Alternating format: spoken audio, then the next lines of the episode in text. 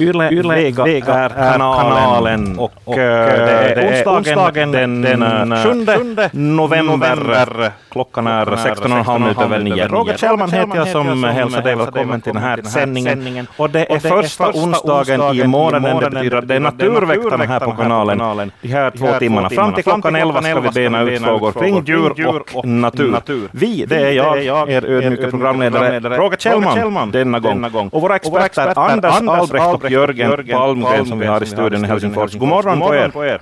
God morgon. Hej hej. Ska se här, där hade vi ja. ja. Välkomna. Välkomna. Och, och Annika Ljungberg som har stenkoll på bland annat vår bildblogg och e-mailen som vi också har koll på. Ja, här sitter jag med Jörgen och Anders i Helsingfors. Mycket bra. Mycket bra. Men, men Ska vi börja, Ska vi börja med, att, att, kolla, lite, kolla lite läget? läget. Uh, vädrets, vädrets makter är väldigt, är väldigt milda. milda. Det har inte slagit igång med någon vinter ännu. Här i Vasa så är det blött och ruggigt och mörkt, men ganska varmt ännu. Vad säger experterna om hur, hur, hur, hur hösten har rullat igång?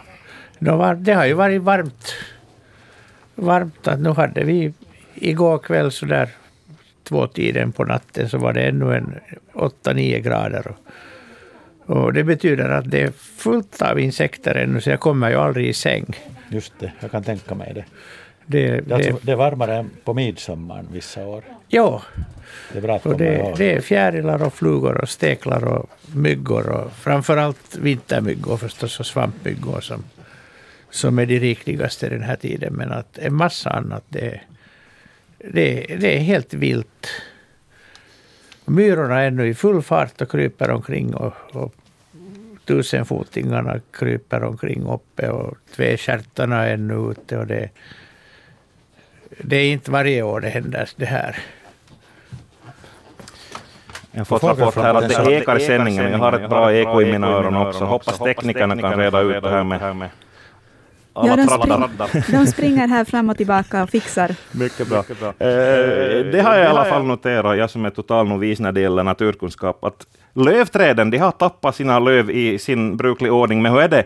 Förstår de att det är vinter på kommande och, och går i dvala, eller vad man kallar det, när de drar ner saven i rötterna och så vidare?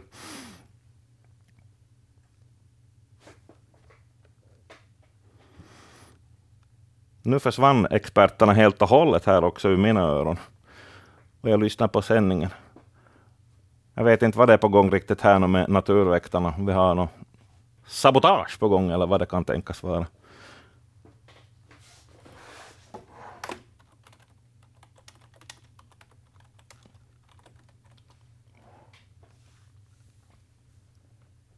Hallå, har vi Anders och Jörgen på tråden? Uh, om inte, jaha, okej, okay, no, men uh, teknikerna fortsätter springa febrilt, febrilt omkring får vi hoppas och reda ut uh, uh, saker och ting. Vi ska småningom börja ta in samtal också. 0611 12 13, det är förstås vårt telefonnummer. En och annan lyssnare känner till redan, det blinkar på linjen. Men jag inte ta in något samtal ännu förrän experterna är tillbaka på online, för jag kan knappast ge några vettiga svar på vilka frågor ni än har. Det är så länge sedan jag har studerat biologi. Eh, uh, natur.yle.fi, det är vår e-mailadress också. Och, uh, Eh, det var lite diskussion med en uh, lyssnare faktiskt per e-post häromdagen som undrade om vår, hennes fråga var med i vår sändning i förra månaden, i början av oktober. Tyvärr rymdes inte den frågan med. Jag kollade igenom, vi har eh, en så kallad backlog på cirka 300 e-mail eller över 2000, det beror på hur man räknar med det. Så jag hoppas ni har förståelse för att alla frågor inte ryms med. Om det kommer många snarlika frågor så, så får vi ju bunta ihop dem så att säga. Vi ska se här om jag har börjat få några experter på linjen igen. Hej! Hej! Hej igen. Så, jag, ser, så ser, jag har längtat efter det. vi ser med samma nu om det, om det brister igen, så svarar du bara så vi, vi kan nästa gång sen rätta. Ja. det skulle kunna vara intressant det. Mm. Motsvarigheten till novisen vid spisen. Ja, ja. Hörni, var var vi? Vi var tala om den, om, eh, det var jag som började hålla låda om träden här, som om fällt sina löv som Ja. sig bör, men ja, är de beredda på att det blir vinter och minusgrader, eller vad händer om det, om det är full av sav och det blir minusgrader? Alltså de, de, går, de går enligt, enligt ljusperiodens längd. Ah, Så, det så där- kroniskt, jo, men sen blir det... det, det är liksom... Och sen är det ju... Löv, lövfällningen så den induceras ju också av att det bildas en sån här bristningsvävnad vid basen av bladskaftet. just det. Att där, där cellerna är runda och sitter löst ihop och, och, och är ganska uppsvullna av vatten. Så att när det blir frost så då lossar de här. Och så faller de ner. Men att det här gör ju att vid sådana här större vägkorsningar och sådana här ställen där det är mycket belysning. Så där kan löven hänga ett par veckor efter, senare än, än på andra ställen. Att det märker vi här vid större, större sådana här viadukter att löven, björklöven blir kvar. Det var intressant. Men att sen du frågar Jörgen om, om temperaturen också. Ja, men du svarar ju redan på det när, när de, de har den här bristcellvävnaden. Så, Ja. så, så där brister det. Det brister där, ja, men att om, om det inte blir frost så, så Drar det längre ut på drar det tiden. längre Ja. ut på tiden, men att någon storm tar det i alla fall. Och att det som lite avvikande så det är ju eken som... Speciellt unga ekar kan ju hålla löven hela, hela vintern. Ja, men de är ju bruna ändå. De är bruna, ja. ja. ja. ja. de har nog dragit, dragit allt värdefullt ur dem. Är, de sen då, är det individuellt på det sättet att vissa ekar har större benägenhet till det här eller är det så att, att när de unga, du sa att det är unga ekar, när de blir gamla så klarar de då av att tappa löven i skälig tid? De, de, gör, de gör det nog och de, Ja. blir ju, de blir ju sen lite känsligare Mm. också mot... Antagligen när de kommer högre upp så, Ja, så det, det blåser och är, Ja. är kallare Ja. och de, på det viset. Men att... Och det att, det att höstlöven blir gula och röda beror ju inte på att de får mera färg utan Mm. klorofyllet dras bort och då syns de här gula och röda ämnena som finns där hela sommaren. Bra, nåja, no, men nu är vi igång sådär på riktigt. Nu, nu ska vi väl lita på att linjerna håller. Så om vi skulle ta och eh, attackera de här uh, e-mailarna som har kommit in här sen senast. Om vi ser på vårt kompendium och alla de här flygande fåglarna till en början med. Det är Bengt Håkans i Ljungsund som har sänt in och bett eh, experterna identifiera en, eh, en fågel som, ja vad ska vi säga? Han menar att den är större än fiskljusen eh, och, och eh, den dyker upp till kvällen. Flyger lågt över trädtopparna och rent av ryttlar ibland. Eh, men den cirklar inte utan fortsätter iväg rakt med så det är svårt att fånga den på bild. Får ni ut något av de här bilderna som har kommit in till oss? Ja, det lyckas fint det här. Det är inte något större problem. Här är det där. Här är fem bilder alltså. Jo, Och här är både övre raden och nedre raden. Och Övre raden var den här fågeln, eller var, var bilderna som, som Bengt var mest intresserad av att veta vad det kan vara, för de hade han inte kunnat identifiera. Okej, men det är kanske bäst att gå igenom hela bunten i varje Du fall. får ta i den ordningen du vill. Tack. Okej, vi börjar uppe till vänster så finns en, en stor rovfågel. Man kan bilda sig till en uppfattning om den är stor. Den har väldigt, eh, väldigt eh, djupa fingrar där på, på, på vingspetsen, alltså djupa inskärningar i, i, i de här hand, handpennorna. Och, och den har väldigt många armpennor och då, då kan man också dra slutsatsen att det är en, det är en stor rovfågel. Stjärten är ganska kort, ty, tydligt kortare än vingbredden, kanske bara hälften av vingbredden. Och man ser till och med lite, lite färger, färger på den här fågeln. Den har en liksom ljusa, ljusare stjärtbas. Eller ska vi säga, det, det, det är brunt och vitt där på stjärten. Och, och, och. Den här, så där om man tittar liksom lite oskarpt på det här så kan man, tycker jag man kan förnimma att det liknar ganska mycket en, mest av våra rovfåglar är en laddörr. Det är en, det är en äh, havsörn, inte en utfärgad havsörn, havsörn utan en, kanske en ett, två år gammal fågel. Och så hoppar jag över till eh, den fågel som är i övre raden mest till höger, det ser ut som samma individ som, som den här som är längst till vänster. Och jag grundar det på det att den, i varje fall i samma ålder, den har samma ruggningsmönster, alltså den byter samma handpennor och armpennor som fågeln där till vänster. Den är lite annan, annan ställning, så det kan vara att, att jag missar någonting där, men det ser ut att det, det är samma individ, alltså en, en två, ett till två år gammal havsörn.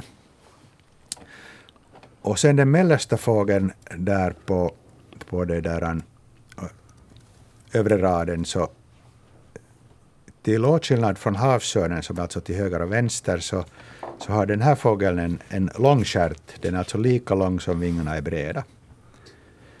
Sen ser man att det här huvudet är ganska framträdande, ganska smalt i själva verket. Vingspetsen ser kanske lite, okej, okay, den ser ut i aktiv flykt på det här viset, men om den skulle kretsa skulle man nog se lite av fingrarna där i spetsen. Den är alltså en rundad vingspets. Stjärten, Stjärthörnena är lite rundade. Och för den här fågeln ser man också en del färgteckningar. Den har tydligt tvärbandad buk och armhåla och har oregelbundna mörka teckningar på hand och armpennor. Alltså det är de här längsta pennorna på vingen. Och samma mönster kan man kanske skönja också på, på stjärten. Nej, det, det, det lyckas jag nog inte. Men det där tvär, tvärbandiga armhålan ser man jättebra. Det här är en bivråk. Mm. Och det där, en, på de här äh, tvärändarnas oregelbundenhet på hand och armpennan så ska jag säga att det är en gammal bivråk. Men jag är inte riktigt bombsäker. Jag borde kunna studera den lite, lite bättre förhållanden ännu. Och sen var det den här nedraden. Där har vi till vänster en fiskljuset. Vit buk, mörkare brunt på bröstet och huvudet, sannolikt en hona. Ganska långa vingar, men inte lika mycket sådana här spretande fingrar som havsörnen. Vingarna är lite, smalare, stjärten är knappt vingbreddslängd. Den är vanligtvis, fiskhusen är vanligtvis lätt att känna igen, för den har alltid den där vita buken och den har lite sådär, man kan kalla den kanske lite trutaktig i sitt flygsätt. flygsätt. Och sen eh, nedre raden till höger så är en, en det där, jämnt brun fågel. En medelstor, eller, ja, medelstor rovfågel med en stjärt som är ungefär lika lång som vingarna är breda. Jämnt brun utan något tvärband, huvudet lite ljusare. Eh, ganska mörkt brun, brun kärrhök. Och man ser här man ser alltså att, att huvudet är lite gulaktigt och sen ser man också att stjärt och armpennorna har ljusa spetsar. Och där kan man dra den slutsatsen att det är årets unge. Ja, inte var det desto konstigt. Intressant. Så, skrev, så sände också Bengt in eh, en bild på en eh, gråhägare. Om den skrev han att eh, ett par har synts här nu och då hela sommaren i Ljungsund i Korsholm alltså. Kan det möjligen häcka här i våra trakter? Det Tidigare såg man den mest på senhösten. Ja, det, alltså det är typiskt för hägaren att de, de, den har en sån här dispersal, alltså en spridning efter häckningen. De flyger åt, åt alla håll från sin häckningsplats. Och tidigare när, när gråhägaren var, var fåtalig eller sällsynt häckfågel hos oss så, så var det ju väldigt ögonfallande när, när de när de kom i, i juli, de kom då på den tiden mest från Estland och längre söderut, men nu är, är vår häckande stam redan, ja nu är det väl, jag gissar nog att det är på tusen par, så nu har vi tillräckligt med hägrar från, för, för att, att producera de här omkringflygande fåglarna i, i, vårt, i vår egen fauna. Så det där, och mm, gråhägarens, de flesta paren häckar ju här i, i, i sydvästra Finland och södra Finland, men, men det finns nog enstaka par längre norrut också. Mm.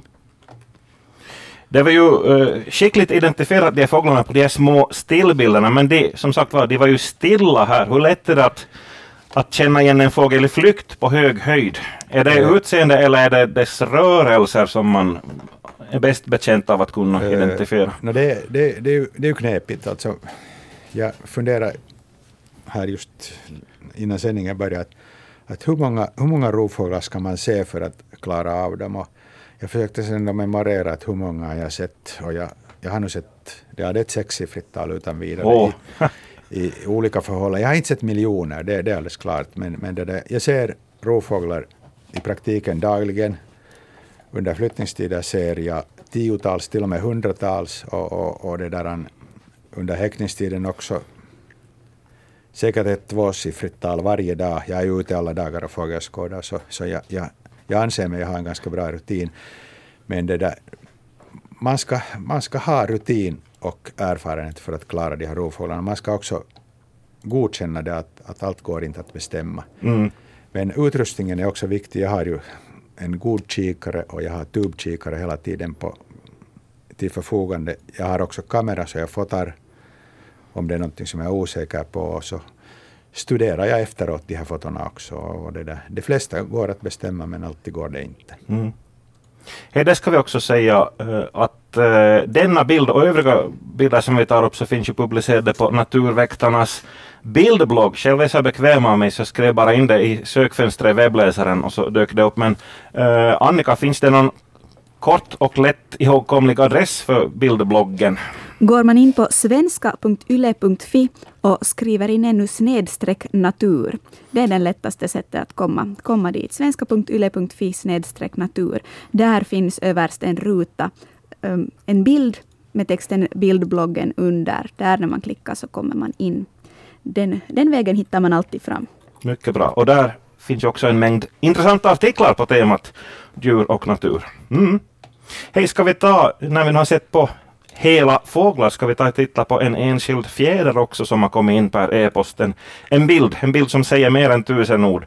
Så här skriver en lyssnare från Kaskö eh, i Sydösterbotten. Hittade denna ståtliga fjäder på Getskär i Kaskö den första september i år. Som bilden visar är längden knappt 60 centimeter. Vilken fågel är det som har tappat denna? Jo, det här det där eh, måttet är ju väldigt bra att det finns här med. Eh, det är verkligen ungefär 60 centimeter. Man ser också att den här man ser den här pennans struktur på det sättet att den har väldigt djupa inskärningar, både på ytterfane och innerfane. Och, och man ser naturligtvis färgen, den är mörkbrun eller svartbrun. Och, och det där, om man går tillbaka till de här fem bilderna som vi hade just de här rovfåglarna så, så passar det här allra bäst in på den här formen på, på havsörn och också den här längden 60 centimeter är, är entydig för att, för att det... Okej, okay, entydig och entydig. Det, den är i skärgården och det är en stor, stor handpenna, alltså vingspetsens fjäder, och det är en, det är en havsörn. Mm. Finns det någon av våra stora rovfåglar som ens kommer i närheten ja, av sådana här fjäder? Kungsörnen har ungefär samma, ja, ja. samma, samma proportioner, men den här redan, redan orten talar mest för havsörn. Jag kan i själva verket inte vara riktigt bombsäker på att hur, hur jag klara Kungsörnen kanske vara lite bredare och inte så här, här smal där på spetsen, men jag är inte riktigt bombsäker. Mm. Jag borde ha jämförelsematerial, vilket jag, inte, vilket jag inte kan ha, för man får inte behålla sådana här fridlysta fåglars enstaka fjädrar. Jaha, det är på det viset? Det är lagstiftningen, ja. Hur ofta tappar de fjädrar, alltså byter de fjädrarna ja. årligen eller kontinuerligt? Mindre fåglar byter alla fjädrar minst en gång per år. Mm. Stora fåglar som havsörnar byter handpennor vart tredje år. Men det sker ett visst mönster. Så att det, där, det här är en ganska sliten, man ser att den har varit i bruk många år. Mm. Och sen om det blir någon strid så då strittar väl fjädrarna också? Jo, det kan, det kan hända att, att om en fågel tappar en fjäder äh, genom en olycka eller någon annat, annan incident så då växer det nog en ny. Mm. Jag tror vi ska klämma in ett samtal nu. Vi har lite ignorerat äh, linjerna. Sen blir det en brevfråga också. Vi har ju en postadress. Men vi tar ett samtal här nu. Det är någon som har ringt 0611 12 13. Jag säger hej, välkommen till Naturväktarna. Vem har vi med ja, oss? Det är Kalle Pirström, hej. Välkommen. Det där, jag ska berätta när jag hade era rovfåglar där som ni gick igenom så hade vi här för en sex veckor sedan en lördag morgon kom det en stor fågel. och så körde rakt mot vår, vår ruta nästan men den kunde väja så flög den bort en tre, fyra meter där var vi hade en sån här port med, med så här litet valv ovanpå. Där satt den sig med ryggen åt och det var helt svart och, och, och större än en fiskhus. Och sedan svängde den sig och att, så rakt hit mot oss och då såg vi att det var en, en, en, en stor fågel med, med en stor krök näbb, gulaktig och stora klor. Och så sökte jag fågelboken och, och medan jag sökte den så var sambon och försöka fota den men då flög den iväg. Men så mycket kom vi till att det var en större skrik och en modell äldre. Jag här i fågelboken så har vi bilden av en ung, ung fågel och den har vita vingpennor och liknande. Så att enligt min utsago ljudet som den hade, flög, den flög några dagar här uppe i skogen så hade det kly, kly, kly under ett ljud och, en korp kan inte ha varit för att korparna flyger upp ovanför talltopparna här när de söker, söker sin mat eller vad de nu flyger men den här flög liksom härifrån och det var inte alls och verka rädda av sig så att sådan, sådan iakttagelse har vi haft här. Vi är alldeles mållösa. Ja. ja. Men att vi, jag berättade åt en annan här som är uh, hård han sa att jo, han har också sett dem där och han bor nere lite i Snappertuna så jag tror nog att det här är en sån grej som, och när man ser här på utbredningsområdet så, så den här riktigt i östra Finland kan det vara, så ser man här en mörk fläck här i uh, Hangö Raseborgstrakten på den här kartan att om det stämmer då så då kan det finnas här också i då och då. Just. Men en större skrik var, var det nog an, anser jag efter alla ljud som vi hörde och sedan ännu i, i, i, i böckerna och jag sett på googla här inne i datorn lite. Ja, det här ljudet så, så ska man inte lägga för mycket Nej, nej, på. det stämmer det, men att ja, det håller jag med om, men att den här fågeln såg precis ut som det här, bara det att det var modell äldre, eller det var en äldre fågel för den hade inte mm. ljusa teckningar på vingarna. Just. Annars såg det precis lika ut som det där. Ja. Allt är möjligt tider som dessa. Allt är möjligt, ja. ja, nej. Men att... Det skulle jo, jag vara roligt nu, att nu se. har jag mycket Ja. att berätta här, men att det är ju andra som ringer. Vi har ju, ja. har ju mycket fåglar som vi matar här. Ja, just det. Ekorrar. Så vi har några av dem. Men att det här var det som jag tänkte jag måste berätta om i alla fall. Ja, men tack så mycket för, Ja. för det här. Ja, tack, tack. Ja. Hej då. Tack så mycket, Jo. Ibland blir man lite tyst. Naturen fortsätter förundra. Det är väl bra att med, med er, alla eh, era många år av erfarenhet så kan ni ännu bli överrumplade och överraskade. ja. Hej, ja, vi har fått en, en, en brevfråga. Annika, vi har en postbox någonstans. Jo, man kan skicka post som jag hittar från postlådan sen här i Böle. Adressen om man vill skicka riktigt ett brev eller till exempel om du har en insekt som inte tar sig så fint på bild så kan du skicka det till Naturväktarna, postbox 12 00024 Yle. Så då så kan vi få brev hit till oss och det har Jessica faktiskt gjort. Hon har skickat in eh, några små insekter som Anders har i en liten påse där bredvid sig. Och Jessica skriver som följande. Vi bor i en nyrenoverad lägenhet i ett äldre hus. Nu när det blivit kallare har dessa småkryp börjat komma in i lägenheten. Det kryper i taket och det ser ut som att det kommer in bakom taklisterna. Man kan se några på en dag och det gör inte, inget men vi undrar ändå vad det är för småkryp. Och vi har inte hittat någon bild som passar in på de här krypen. Men hon sätter alltså in några i en påse. Men nu finns det bilder på de här krypen i varje fall att se, det vill säga på bildbloggen. Så kan man titta på de foton som jag har tagit av det som vi blev inskickade, eller som vi fick inskickat. Det är alltså den sista bilden på bildbloggen. Vad säger du Anders, det här skulle kunna vara? Ja, alltså här, här är åtminstone två arter inblandade. Okej, när jag tänkte när det var något så mos, mosigt och tillplattat så tänkte jag att kan du överhuvudtaget säga vad det är för någonting. Men, men du har kommit till två arter.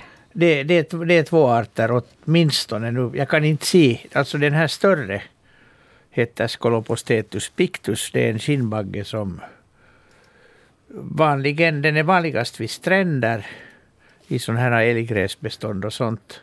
Men den har lagt sig till med den vanan att den, den har bosatt sig i, bland annat i vild, vildvinsbestånd så att den kommer väldigt ofta in i husen och, och i trädgårdar överhuvudtaget.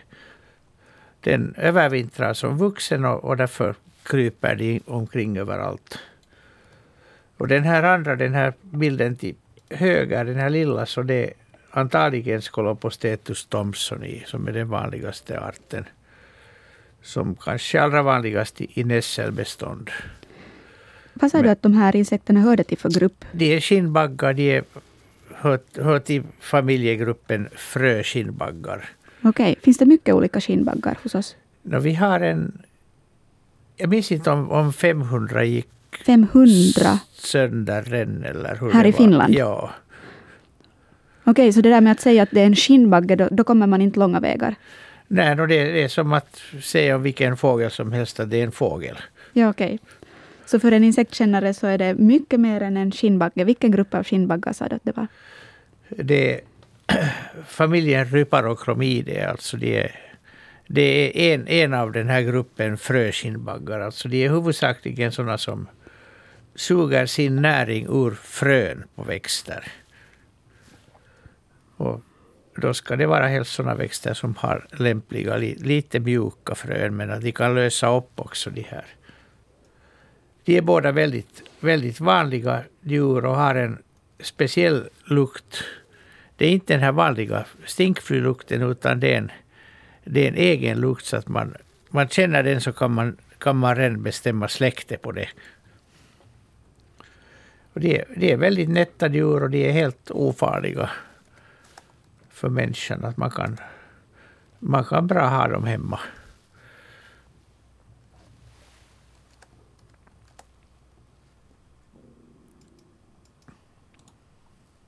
Nåja, det var intressant med brevfråga. Ska vi ta och vända oss till telefonen då igen för här blinkar det ihärdigt. Jag eh, trycker på knappen. Hej! Nu är du med i Naturväktarna. Välkommen! Och det var Bengt Lindberg från Ryttemark, vad ni vill. Hej Bengt! Sydösterbotten. Hur pass vanligt är det med gröngöling här uppe? Det är jätteovanligt. Eh, Arten är sedd i Finland mindre än tio gånger. Och, och det där an... Hallå? Jo. Så arten är alltså sedd färre än tio gånger i landet. Och det där an... Senaste säkra fyndet så är det många år sedan. Hallå ja. Eh, har du svårt att höra experterna? Hör du mig nu? ja, ja nej, dig hör jag men jag hör ingenting annat. Jaha.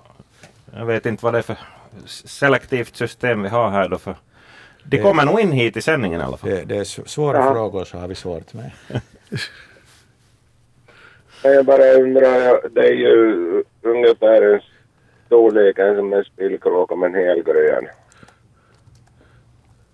Nå jo, grö, gråspetten har ungefär. Jag har sett en par gånger förr också. gråspetten har ungefär samma färger.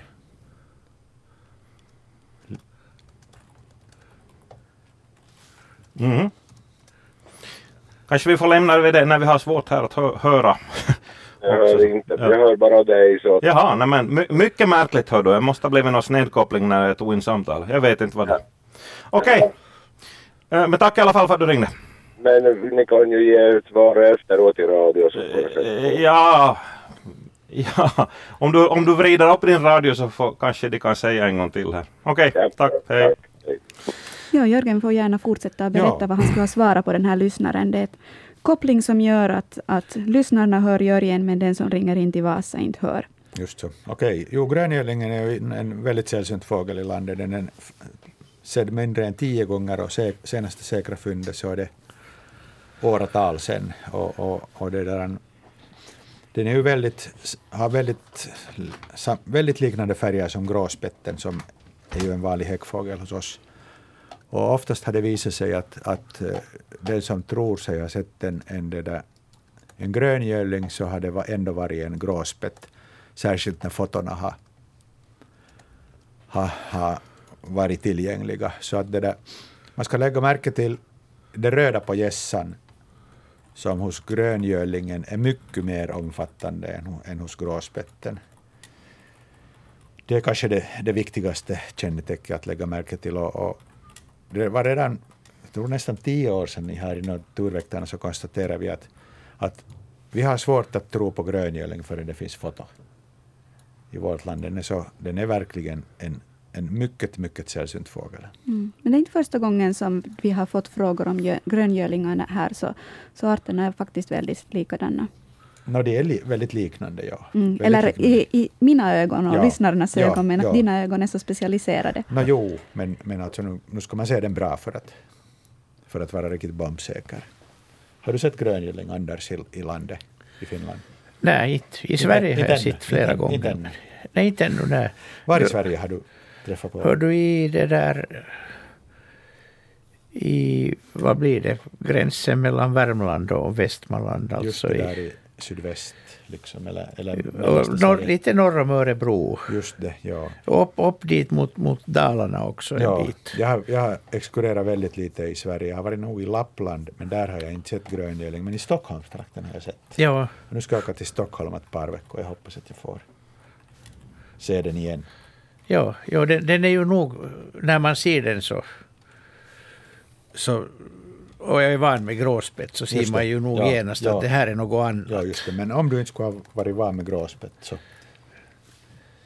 Ja, då, då vet jag inte Ja, vad jag det. skulle ha Mm. sagt. Men Ja. nu, nu var det ganska klart fall direkt. Ja. Du och det alltså- du har fanns flera stycken Ja, från har på olika ställen. Ja, du har gråspett på din utfodring. där jo, jo, det har jag. Ska vi spinna vidare på temat utfodring här och se på bildbloggen igen. Det har kommit in en, en fråga om talgoxar med lite annorlunda diet. Ja, det är Rune och Helena från Hotskär som har upptäckt att talgoxen har något jättespännande beteende. De hackar eller äter på wellpappkartong. Och här på bilden så syns en kartong som har faktiskt blivit hackad och pickad ganska rejält. Vi har fått en liknande fråga också på Naturväktarnas grupp på Facebook. Och där är det Maria Karlström som har skickat in en video där en talgoxe hackar på en jordgubbs kartonglåda. Och vi undrar då att vad, vad är det här för beteende? Vad sysslar talgoxarna med? No, no, så där utgångspunkten så är talgoxen ju en väldigt opportunistisk fågelart. Alltså en, en, en fågelart som utforskar allt som finns och väldigt, väldigt gärna. Och, och det, där, det kan vara att det, det har att göra med det här med det här beteendet att den, den, den papplådor finns ju inte i, i naturen, ska vi säga, hela tiden tillgängligt. Och när hösten kommer så, så är de, är de och, och, och gör sina, sina vad ska vi säga, rekognoseringar. Och då, då, då kan de hacka på, på allt möjligt. Och, och jag, jag har nog inte någon bättre förklaring än det här på det här papphackandet. Det har varit, det har varit tal om det här också på, på en del andra Facebookgrupper och inte, inte har någon riktigt någon någon väldigt vettig förklaring på det Mm. här. Men en del, på, en del tycker att aha, de samlar, samlar det där material för övernattningshålet eller övernattningsholken, men det, det anser jag inte är en så bra förklaring, för jag har många holkar där, där det där talgoxar övernattar och inte släpar in något material dit för, för, för vinterhalvårets övernattningar. Det är sen först när de häckar som de, som de är ute efter material. Så att det där, Men det är väl så att de ofta använder holkar också på vintertiden? Jo, de använder alltså Okej, mycket. jo, all, all, praktiken alla, alla, alla hål och holkar Men ut, då- utnyttjas på Har de inte nytta av att ha något material där som värme? Nå, I och för sig skulle det kanske vara nyttigt, men, men, men det där, de här naturhålen så är ju sådana att de har olika mjuka material redan från, från tidigare, så att, så att det jag tror att talgoxen inte har, det har inte utvecklats det här behovet av att samla material, och, och det är ju i varje fall varmare än att vara ute. Men om talgoxen klarar sig utan ma- bomaterial på vintern, vad är det som gör då att äggen behöver det här bomaterialet? Det Ja, sån- äggen behöver en så hög värme. Okej. Men, Och ungarna, är- Ungarna har ju ingen fjäderdräkt Nej, heller inte, som ja, så att, så att det, det, isolerar. Men jag har, jag har haft på verandan en påse bomull som jag Ja. använder för att proppa ja, provrör. ja. Och det mesarna stjäl den bomullen och den li- ligger sen omkring på gården överallt. Ja, oberoende av årstid. Oberoende av Just. årstid. Ja. Ja, ja. Och sen har jag upplevt det att, att om vi har haft sån här pappkartong med grädde Ja, så de hackar hål på dem och sen mumsar de i sig grädden. ja, just det. De har ett bra luktsinne. Ja. För de knappast kan läsa vad det står på burken. Nej, och sen, sen tror jag att de också de hackar på allt möjligt. Jo, det om gör de om också, det låter ihåligt. Ja. de, de går ju bland annat på fönsterkitt. Ja, det gör de, ja. ja. Och det där och på en, en av våra väggar också som tydligen är lite murken. Så där är, där är de alltid och knackar. Och, Det är det bra indikator på husets kondition. ja, men vi räknar med att nu står det väl hundra år till. Ja, just det. Eh, hur mycket sysslar fåglar och djur i allmänhet med att roa sig? Bara liksom för skojs skull picka och hacka och Nå. greja på. Det, det är ju det som vi inte vet riktigt exakt, men, men det där, för det, det, det, svår, det är svårare för de här tättingars del att, liksom att följa med vad som sen händer. Jag tror att det är som Anders berättade, att, att de här bomullstussarna är utspridda sen över gården. Det kanske, inte det kanske är att roa sig med, utan det, det är bara för att testa och prova att det ska här finnas någonting. Men det där, nu ser man fåglar roa sig, till exempel eh, när det börjar blåsa, det, om det har varit lugnt en längre tid och det börjar blåsa, så kråkfåglarna älskar att, att det där, hänga i uppvindarna och, och utnyttja den här nya, nya, nya, nya situationen. Ja, man kan ju se korparna göra Jo, de mest fantastiska konster. Ja. Nåja, klockan går, hon är tre minuter i tio vi hinner åtminstone med någon fråga ännu. Det blir ju nyheter klockan tio och så fortsätter Naturväktarna så det finns gott om tid och vi har en hel del frågor. Men ska vi ta ännu en bildbloggs eh, fråga här. Vi hade en grå fågel som man bad oss identifiera bland annat. Annika. Jo, den finns längre ner i bildbloggen. Det är faktiskt den elfte frågan. Och det är Thomas Thors som undrar vad det här är för fågel. Och han skulle gärna också höra namnet på finska på den här lilla gråa fågeln med svart gässa på en grön bakgrund där. Är längre bak i, i bildbloggen. Jo, det var bild- bildnummer 11. Har du Ja. Anders bildnummer där? Inte i bildbloggen syns det först. I bildbloggen syns numren först när man klickar Ah, upp de här det, bilderna. Men. Ja, du har okej. numret på pappret. Ja, tack. Jo, det här är där, en sån här lite rund fågel. Grå, gråbeige ovansida, svart stjärt, svarta handpennor, svart gässa, kraftig fröta och näbb, lite rosa, rosabrun på magen. Det är en domherre, punatulkku. Ja, ännu en, en detalj som man ser, man ser den vita övergumpen. Alltså domherrehona. Punatulkku är arten på finska. Jag tycker den brukar vara lite rödaktig den här domherrshonan också. Ser man? Nej, inte den, den är inte rödaktig. Det är hanen som är röd. Eller minns du fel? Nå, kanske när jag ser dem bredvid varandra så Ja. vill jag se det där lilla röda Jo, i där, den här men alltså, honan. man, man anar nog en sån här liten gammalrosa skiftning här på buken, men den är nog väldigt svag. Sista snabb fråga här. Hur kommer det sig att eh, Thomas Torsär, och lyssnare, har stött på en domherrehona mitt i sommaren kan man säga, eller i alla fall förrän snön har lagt sig. Det är ju då först man brukar se domherrarna vid fågelborden så där, när det är riktigt, riktigt kallt. Jo, det där, här fanns inte datum på det här, eller har ni har någon koll på datumet? Eh, Nej, inte koll på när bilden är tagen. man men ser på vegetationen att det är höst. Jo, där är gula löv. Ja, men att det, gula björklöv. det var grönt Men det ännu. kan finnas gula björklöv också på sommaren, om det har varit torrt. Ja, men, men inte sådana här bruna som här. Ja, just det, den där uppe till höger och sen där ovanför gässan. Men det var ju jättelänge grönt, men nu... E-mailet kom in den, nej vänta nu, 13 oktober i. Esbo. Är det Just det. som, Ja. Men domherren finns, ju, finns ju nog året om. Jo, den finns året om. Alltså sommartid så är den ganska tillbakadragen i, i, i den här granskogen där den häckar. Alltså skogen med smågranar. Och, och, och det där. Sen kommer de fram. Okej, man observerar dem nog på sommarhalvåret också. Mm. Nu måste jag tyvärr avbryta. Nu får vi ta ett, helt enkelt ett cold break för det blir nyheter här i tre minuter. Sen fortsätter Naturväktarna.